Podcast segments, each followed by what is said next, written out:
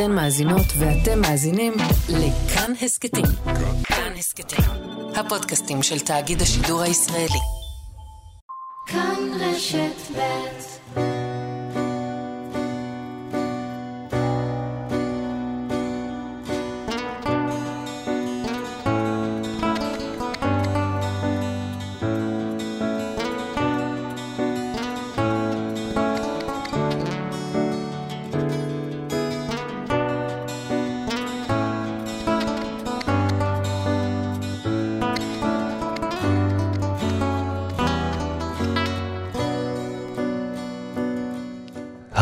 אתם מאזינים להסכת שניים ממשקול נבו.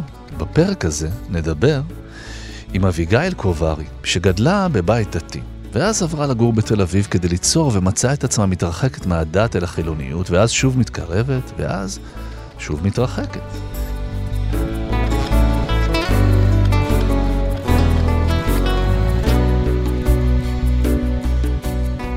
היא גדלה בבית דתי בירושלים ולמדה באולפנה. אחרי שחזרה מטיול בהודו ועברה לתל אביב כדי לעשות מוזיקה, התעוררו אצלה שאלות עד שיצאה בשאלה. אבל התפקידים אותם גילמה כשחקנית, ושבזכותם אתם אולי מכירים אותה בסרט פרה אדומה ובסדרה מתיר עגונות, היו דווקא תפקידים של נשים דתיות, פורצות גבולות. והיא עצמה בכלל לא בטוחה שאפשר להגדיר אותה כלא דתייה. נשמע מורכב? ברוכים הבאים לחיים של אביגיל קוברי. שלום אביגיל. שלום אשכול.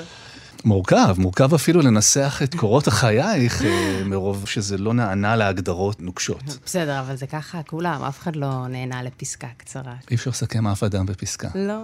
כמה שהתחקירנים ירצו, אי אפשר. תראי, אולי זה מה שננסה לעשות היום. זאת אומרת, אולי ננסה באמת ככה לצאת מההגדרות המאוד אה, כובלות של מה זה דתי ומה כן. זה חילוני. ולמצוא את המרחב באמצע, אבל אני רוצה באמת ללכת איתך לרגע שמסקרן אותי באופן אישי, וזה הטיול בהודו. למה זה מסקרן אותי? כי לא הייתי בהודו, אני מאנשי דרום אמריקה בכלל. מתאים לך. ואני שומע המון שנים מהאנשים על הדבר הזה שקורה בהודו. עכשיו, בדרך כלל, זה בכיוון ההפוך. זאת נכון. אומרת, מתעורר בהם איזה משהו רוחני, ואז הם בבית חב"ד, והם מרגישים קרובים ליהדות, וחוזרים בתשובה, חלקם. נכון. ואצלך קרה משהו אחר. מה קרה ואיפה? טיילתי עם בן זוג שלי, שהוא היה חילוני, נסענו לאיזה חודש וחצי, ובעצם קרה שם משהו קטן, שפשוט, אה, אני חושבת שהגעתי כמישהי שגדלה על איזושהי אמת, ובאתי וראיתי את כל האנשים השונים והאמיתות השונות והזרמים הדתיים, ופתאום זה כזה הקטין לי את כל החוויה והמשמעות של האמת היהודית, הקדוש ברוך הוא שגדלתי עליו. וזה מעניין מה שאתה אומר, שלאנשים קורה הפוך, כי זה מה שקרה קצת לבן זוג שלי. משהו במסורתיות היהודית שלו ממש התחזקה, כאילו נורא בלט לו שם, איך הוא יהודי, כאילו זה הזהות שלו. ואני הייתי כזה, מה זה... זה סתם כאילו כל אחד יש לו את הסיפור שלו, וזה כאילו ערער לי את כל היסודות. קודם כל, יש פה רעיון לסדרה, שיום אחד אולי תשחקי בה, על, על זוג שנוסע, ופתאום נהיה האלכסון הזה, שהיא דווקא מתרחקת מהדת, והוא מתקרב, וכל אחד יוצא מנקודת כן. הפתיחה שלו. זה היה דרמטי אצלך, או שזה מין כזה, מין ספק שמתחיל לנקר? זה היה דרמטי, כאילו גם היה גם שאלות פרקטיות של כזה, רצינו לנסוע לאנשהו עם חברים שפגשנו שם, ובדיוק הייתה איזה רכבת שנוסעת בשבת, ואפילו התייעצתי עם אימא שלי באימייל, אם הקטר הוא לא יהודי כנראה, נכון? כי הוא הודי, וזה, אני נכנסת לרכבת לפני שבת, האם זה בסדר? וכאילו אימא שלי ענתה לי כזה, גל, תקשיבי, אני עשיתי את זה כשהייתי בטוחה באמונה שלי. אז לא היה לי שם ספק, אבל היא כבר הרגישה שאני קצת מעורערת, ומין כזה, את חוצה גבול אחד, זה הולך להידרדר, ש, שזה משהו שבכלל גדלים איתו, ואני דווקא מתבאסת שאנחנו גדלים עם זה. שכאילו אם אני חוצה משהו אחד, אז זהו, אני נופלת לאיזה תהום. והלוואי שדווקא לא הייתי מרגישה ככה, כי אז זה כזה מין נבואה שמגשימה את עצמה. עלית על אה, הרכבת? אני פשוט נשארתי בסיפור. אוקיי, מה קרה לי? אני החלטתי לעלות על הרכבת, ואז היא התבטלה, אז יצאתי קרחת משני הצדדים. יש שיגידו השגחה. אוי אוי אוי, כן. שאמרת כשרות בטיול? אני כבר צמחונית שנים, אז גם האמת, אני שואלת את עצמי את השאלה של אם הייתי אוכלת בשר, מה הייתי עושה היום? בטח הייתי מנסה וחוזרת לקשור, לא יודעת. טוב, בוא נלך עוד תחנה. אז יש אה, ספקות ויש שיחה עם אימא בהודו, ואיפה זה בכל זאת כבר הופך או, או, או מתממש למשהו שהוא יותר מורגש בחיים שלך? תכלס, מאז ומתמיד, בגלל המשיכה שלי לעולם היצירה והאומנות והגיבורים שגדלתי עליהם, שהם היו כמובן חילוניים והובילו אורח חיים חילוני ומופקר, בטח, חלקם, סתם מוזיקאים, אתה יודע. מי היה גיבור ילדותך? אתה יודע, יהודים, אביב גפן, איפה הילד, אה, דברים כאלה, ולא רק ישראלים, אבל הם... אז תמיד הרגשתי שקהילה דתית-לאומית היא כזאת, היא מסכנת את עצמה קצת, כי היא קהילה ששומרת הלכה, אבל צורכת תרבות פופולרית. אז זה כאילו, אתה גדל על משהו שהוא לא משהו שאתה חי, אז אתה, איפה אתה נמצא בכלל? אז ידעתי שאני תמיד מעורבבת בשאלות האלה של איך אני אמורה להיות דתייה וגם לרצות לעשות אומנות וכו', אבל שני האחים הגדולים שלי חזרו בשאלה, ומין אמרתי לעצמי, אני בחיים לא אעביר את ההורים שלי בעוגמת נפש הזאת, אז, אז כאילו מין אמרתי, אני אוכיח לכולם שאני אעבור לתל אביב, ואני אהיה מוזיקאית, ואני אשאר דתייה, יש כזה חיה. אבל... ולא. אמ, ולא, אבל תכלס אני מאשימה את לימודי האמנות שלי. באיזשהו שלב עשיתי תואר באמנות פלסטית, ומשהו שם פתח לי את הראש מאוד. מה, בין לימודי האומנות לאמונה? פשוט משהו שם הוא כזה מאוד אה, יצרי וכזה פורק עול, ושלא מקשיב לממסד, משהו נגד הממסד, כרעיון כללי. ונראה לי שם יש איזה משהו שכזה... שלא יסתדר. כאילו שגירה אותי לבדוק ברמה הכי מהותית, אני לא יודעת איך להסביר, אבל מין כזה... הייתה התפוצצות של אנרגיות בשנה הראשונה ללימודים. דיברת על עוגמת נפש של הורים, ופעם הופענו באיזה אירוע ביחד, נדמה לי בבית אביחי. כן. ואני זוכר בסוף האירוע את אבא שלך. כן. מגיע ובמין גאוות אב כזאת, לוחץ את ידי, וזו הלחיצה של, תגיד משהו על הבת שלי. כמובן, ש, כמובן שאמרתי. אז העברת אותו ואת אימא שלך עוגמת נפש? אני בטוחה שהייתה שם עוגמת נפש. כל הורה רוצה שהילדים שלו ימשיכו אותו, בטח אם אתה דור שני לשואה ורוצה שהיהדות תמשיך, וקשה לראות איך היא ממשיכה בלי לקיים את המסורת. אני גם שואלת את עצמי איך אפשר. וגם כזה מין תעשיית הבידור ריחפה שם כמשהו מאוד מאיים, ואני חושבת שאם לא מכירים את המוזיקה מבפנים, אז אתה חושב שאם להיות מוזיקאית זה להיות, אה, לא יודעת, נועה קירל. לא שאני אומרת משהו נגד, אבל כאילו זה מין, לא מכירים את, את תתי הסצנות, את כל הביפנוכו, זה הכל נראה כזה פריים טיים, מתלבשים בצורה מסוימת, שרים בצורה מסוימת. אז אני חושבת שפשוט לקח זמן עם השנים גם לראות שאני לא מתקלקלת, ומה זה אומר שזה מקצוע אמיתי, ושאני לוקחת אותו ברצינות, ושהוא יפהפה, ושאני עובדת עם אנשים טובים, שאני לא הולכת לאיבוד. קראתי בהכנות לשיחה שלנו שאימא שלך פמיניסטית אה, דתייה. כן. מה זה אומר? ואיפה את גם בתוך המקום הזה? זאת אולי גם זה חלק מזה שאת שואלת שאלות? המקום של האישה ביהדות? אה, בטוח. אני חושבת שזה קשה לא להתקומם בתור... אז אה, תתקוממי. או כאילו בתור נערה דתייה, שיש לך מורה לגמרא שמספר לך על איזה מדרש של רב שחיכה מחוץ למקווה, והוא כל כך אה, צדיק שהוא דמיין את הנשים הטובלות כתרנגולות. אני לא מכיר את המדרש. זה... רבי יוחנן, אני חושבת. אבל סתם, כאילו לשמוע כל מיני דברים כאלה, ולדבר על רבנים, ורק על גברים שקובעים לנו את החוקים, ואיפה אנחנו, זה חוויה קשה, באמת. ובטח אם את רוצה גם uh, להיות חלק מהפרקטיקה היהודית, או להיות מנהיגה גם במקום הזה, ולשאול את עצמך איך אני יכולה לעשות את זה, אז אני הקראתי בתורה למניין נשים, אבל הכל זה כזה מין בפינה שלנו, עם אנשים. וזה קומם אותך. כן. ואימא שלך התקוממה גם, במקביל? אימא שלי מתקוממת כבר שנים, אה, בתוך מסגרת ההלכה. יש אה, כזה 25 שנה כבר קריאת מגילת נשים לפורים על ידי נשים, ואני ואחותי קראנו בתורה, ואיפה שאפשר, כאילו, את המאבקים הקטנים לשוויון. אמא שלי, נגיד, לא הולכת עם כיסוי ראש, היא תמיד הלכה עם מכנסיים, צנועים מאוד. למצוא את הדרך בתור אישה דתייה בעולם היהודי, יש שם פרדוקס שאי אפשר, לא משנה איך אנחנו ננסה לייפות את זה ולחיות עם זה, יש פרדוקס. אז כאילו לחיות עם זה שזה לא מגיע לפתרון. בדיוק, גם היה איזה קבוצה של, אני אישה פמיניסטית בלי חוש הומור, כזה מין קבוצת נשים דתיות גדולה בפייסבוק, ונראה לי לפני איזה שנה, שנתיים, זה נסגר בדיוק בגלל ההבנה ש- it can't go together. לא יודעת אם זה היה כזה סגירה פסימית, או כזה... מה זאת אומרת נסגר? מה קרה? הם סגרו את הקבוצה, אני לא, אני לא הייתי לגמרי בפנים, אז אני לא יודעת את כל הפרטים, אבל זה כאילו מין כזה, הבנו ש, שאנחנו כזה מין עובדות עם הפטריארכיה. לא משנה כמה נעשה את המאבקים שלנו, זה עדיין, אנחנו עובדות במערכת שהיא לא שוויונית. שוויונית, ואנחנו לא יכולות לייפות את זה. תכף אנחנו נשמע אותך שרה, אה, ויש גם את העניין של שירת נשים. זאת אומרת, יש אנשים שאת מכירה מהקהילה שממנה בת שלא יכולים לשמוע אותך שרה? אני זוכרת שהופעתי איפשהו בתיכון כשהיה לי להקה, ובדיוק היה ראש עיר דתי, וכשעליתי הוא, הוא עזב את האולם. מה אני חושבת על זה? זה סתימת פיות. כאילו, אני לא יכולה ללכת מסביב לזה. ואם היו מבקשים ממך, אביגיל, אנחנו ממש אוהבים את החומרים שלך, אבל פשוט אין ברירה, זה צריך להיות אירוע בהפרדה. מה היית אומרת? אין לי בעיה להופיע רק מול נשים. אין לך בעיה להופיע. לא, לא בעד חרמות ודברים כאלה, כאילו, כרעיון, אני מדברת על אה, שירת נשים, אני ממש לא מכבדת את זה. אוקיי, אז בוא נשמע שירת נשים. אה, בוא נשמע אותך שרה. אה, בחרנו ככה, כל אחד, בעצם גם אני חיפשתי שיר שלך שיתאים לתוכנית, וגם את חיפשת שיר שיתאים לתוכנית, ובאופן לא מתואם לחלוטין. בחרנו את אותו שיר. אז נשמע את פולין.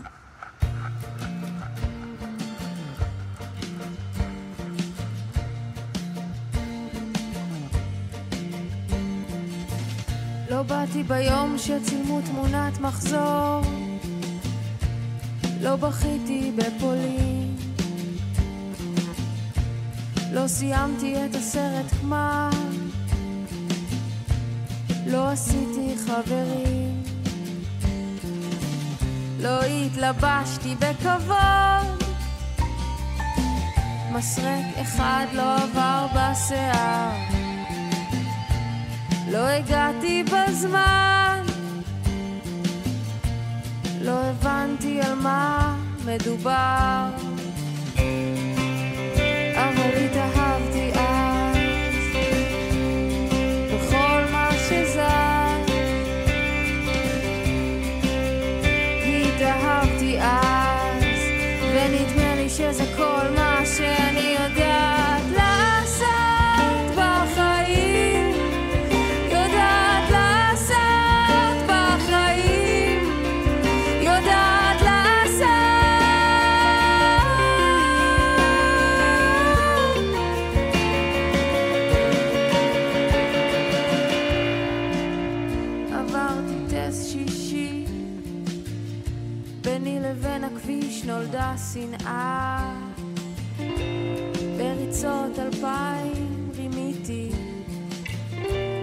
בסיבוב הייתי מחכה. שלחו אותי לקורס מנהיגות. אמרו שיש לי השפעה. תדעי איך להשתמש בזה כי את יודעת להיות רעה. אבל התאהבתי אז. בכל שזז. התאהבתי אז, ונדמה לי שזה כל מה שאני יודעת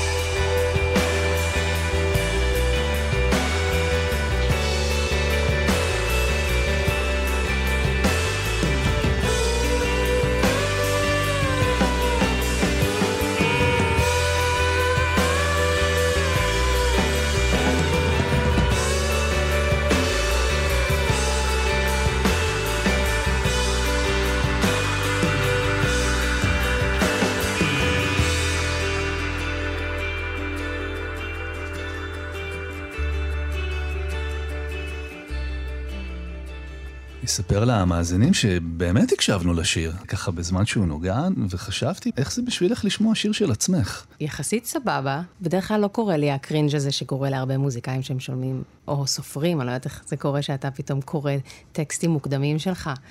אם יש לך איזה קווץ' של כזה, אה, הייתי עושה דברים אחרת. אני בדרך כלל לא כזאת. עכשיו קצת שמעתי איזה נימה בשיר שלי של איזה מסכנות כזאת, שפתאום זה הביך אותי.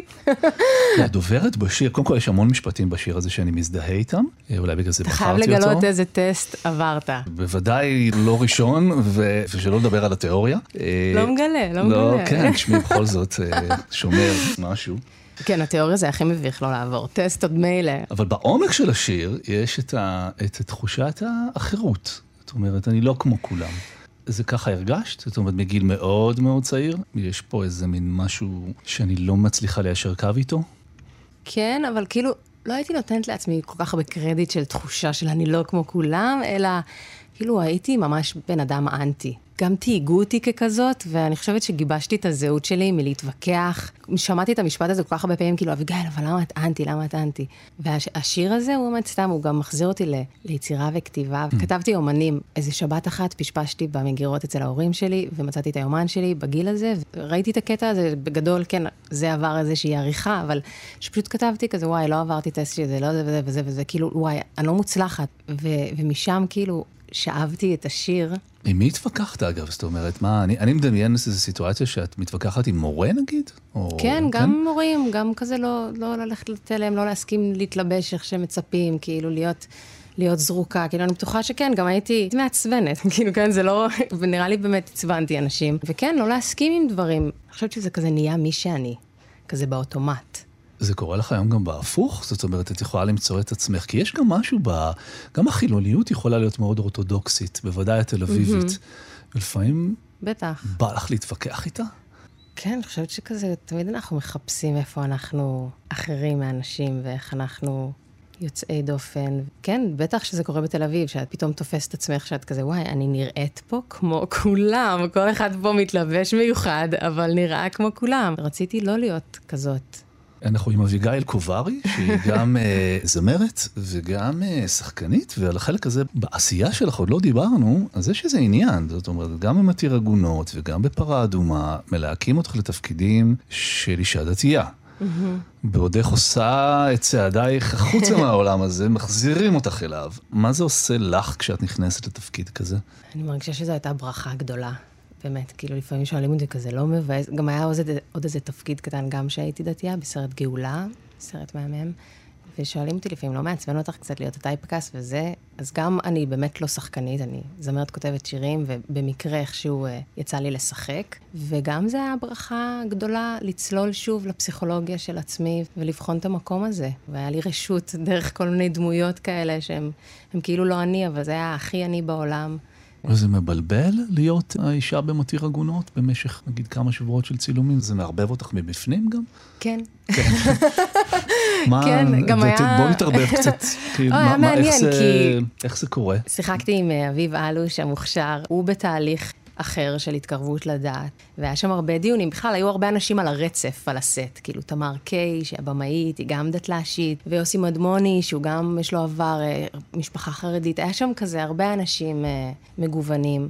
וכן, ועם אביב היה לנו ממש כמו הדמות, כאילו, שהוא גילם יוסף ואני הייתי חנקה, גם היינו מאחורי הקלעים קצת יוסף וחנקה. כשהוא המ- מנסה לקרב אותך? שהוא, אני לא יודעת אם מנסה, ב- כאילו... קורה באופן טבעי. כן, כן, והוא גם לראות מישהו מתקרב לדת וכל כך חיובי לגבי זה, וכל כך כאילו רואה את היופי, אז אני כזה לרגע כזה, וואי, נכון, וואי, איזה כיף לך, בא לי להיות. וגם האמת, שם הרגשתי כזה, אז למה אני אנטי? למה אני כל פעם מחפשת ואומרת משהו פמיניסטי, וכאילו מין להיות על התפקיד הזה שמתפלפל ומתווכח, ושיכול כזה להרגיש גם ממורמר ושלילי לגבי המקום הזה. אז כן, כאילו, הרבה פעמים רציתי, ובכלל להיות בבגדים של החרדייה העטופים האלה, היה לי נוח, היה לי כיף. מאיזה מקום? פשוט זה מרגיש אה, עטוף, ואפילו, אני לא יודעת אם דמיינתי, אבל הרגשתי שזה קצת אה, מעורר יראה אצל אנשים אחרים. כאילו, אנשים טיפה יותר עדינים איתי אולי. לא יודעת, מין יש משהו מעניין. טיפה יותר כזה מרחף למעלה. השתמשת בביטוי שאני חושב שהוא ממש תופס את השיחה שלנו, בלי שהתכוונת, זה הביטוי הזה על הרצף.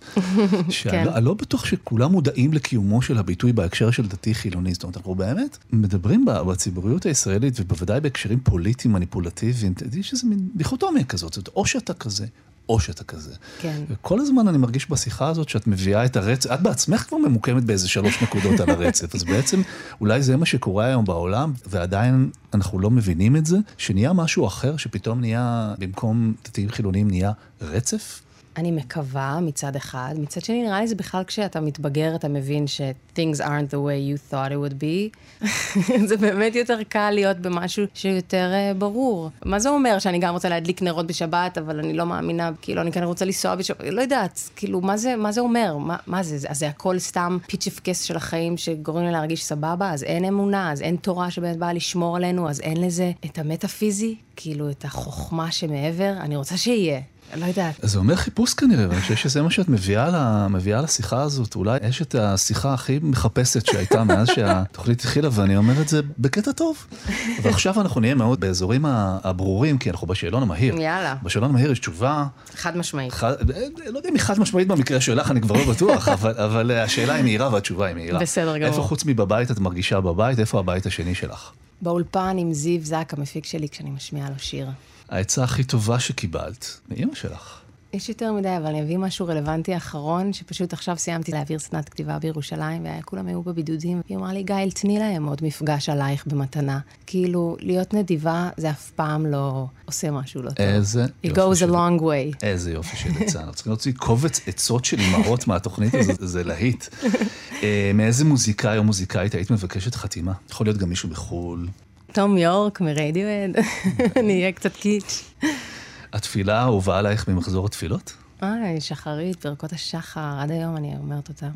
שרה כזה? מת- מתנגנת ב... אה, את אלוהי נשמה, שנתת בי טהוריי, כן. טוב, התחלת כבר לשיר, אז זה מוביל אותנו לשאלה הבאה. אה, ערב קריוקי עם החברים שלך, את חייבת לעלות לשיר. זה לא שיר שלך, כי אוי, לא תעשי קריוקי יש לי תשובה, לעצמך. יש לי תשובה. אוקיי, שבע בערב של דיקלה. אז אה, אז קריוקי של דקלה. אה, מתי בפעם האחרונה בכית? נראה לי הבוקר. כן, קצת, היה איזה דמעה ב- במכונית. מה הבקיע אותך? אני רוצה להיכנס להיריון, אני רוצה להיות אימא בקרוב, ואז פתאום חשבתי על זה שיהיה לי פחות זמן לאחיינים שלי ברגע שאני אהיה אימא. כי אני בת זקונים, אז היית, אני כזה החברה הכי טובה של האחיינים שלי. אז אמרתי שזה כזה יהיה an end of an era ברגע שאני אכנס להיריון. תשובה כבדה. לא, זה, קודם כל זה, אני ממש מבין את התשובה, וגם אה, אני חושב שהיא גם, זה גם מורכבות, זאת אומרת, זה להחזיק את המורכבות הזאת, שבעתיד, אני מאחל לך שתהיי אימא, וגם להצליח להיות אה, גם בשביל אנשים שהם היו לפני שנהיית. כן. זה, זה מאוד... אה, שהייתי הדודה הפנויה הזאתי. יש משהו שלא תכתבי עליו, משהו שהוא טאבו? לא. אני כותבת דברים שאני חושבת שאני בחיים לא אשמיע, ואז זה כתוב. ואז אני כזה, "Hmm, בא לי קצת להשמיע את זה לזיו. אבל זה מתחיל מלחשוב שאני לא אשמיע את זה לעולם. נראה לי גם עצה טובה לכותבים באשר הם, תכתבו את מה שאתם כן. לעולם לא אה, תפרסמו לכאורה. שאלה רצינית, מה קורה אחרי המוות, לדעתך? לצערי, שום דבר לדעתי. שום דבר. ירושלים או תל אביב? עכשיו, צריכה לבחור, אין ברירה. ירושלים. ירושלים. כן. אוקיי, מעניין. את יודעת להיות רעה? כן, בעיקר מול ההורים שלי, לצערי. אבל בסדר, שם מקבלים הכל. אוקיי. ומכיוון שאני חושב שאת המרואיינת הכי צעירה שהייתה בתוכנית הזאת, Thank אז אה, you. עשית פה תקדים, אז נשאלת השאלה, איפה היית רוצה להיות בעוד עשר שנים? מה שעכשיו רק אה, ב scale יותר גדול. קיסריה? כן, יאללה, למה לא? רצונות פשוטים, אבל ב scale גדול. ב scale גדול, וגם נגיד אני עושה סדנאות כתיבה, זה החלום שלי, כאילו, אז לעשות עוד. שיהיה מלא סדנאות כתיבה, ממש. אוקיי. אנחנו מסיימים בדרך כלל בטיפ לשבת. זה יכול להיות מוזיקה שאת ממליצה לשמוע, זה יכול להיות ספר. בדיוק סיימתי לקרוא את הספר טליין האהבה של ארווין יהלום, הפסיכולוג שהוא גם סופר מדהים, כתב את שנית שבחה ועוד מלא מלא מלא ספרים. וזה מין uh, סיפורים על כל מיני מטופלים שלו. הוא גם כותב מהמם, וזה גם גרם לי לזכור כמה טיפול יכול באמת להיות משמעותי. כאילו, אני הייתי בטיפול שנים והפסקתי, והרבה פעמים אני מתמלאת גם בציניות של כזה, יאללה, זה מסטיק, זה יכול להימשך כל כך הרבה זמן, ואולי אין לזה אפקט, ואז פתאום קראתי את זה, ואמרתי, וואו, משהו אמיתי יכול להתרחש שם, וזה נגע לליבי. אוקיי, אז הספקנו לא מעט בשיחה שלנו. גם אה, גילינו שיש רצף, ולא רק אה, דיכוטומיה והפרדה מדתיים וחילוניים, וגם החזרנו את האמונה בפסיכולוגים. כן! אז אה, תודה רבה לך, אביגיל קוברי, שיהיה בהצלחה. תודה לך. אשכול.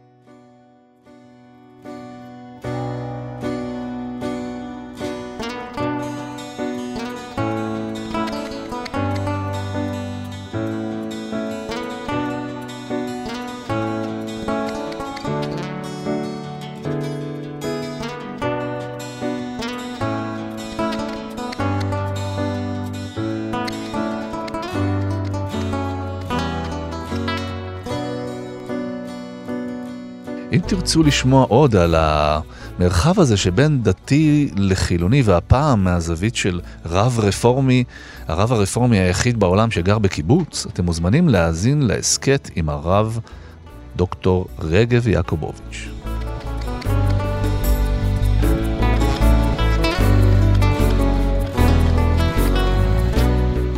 האזנתם לפרק של שניים. העורכת איילת דוידי, עיצוב קול ומיקס רובנמן. אם היה לכם מעניין, נשמח אם תשתפו את הפרק. אם יש לכם הערות על מה שאמרנו, אתם מוזמנים ומוזמנות לכתוב בקבוצת הפודקאסטים שלנו כאן הסכתים. תוכלו לכתוב לנו גם בעמוד הפייסבוק שלנו כאן ב'.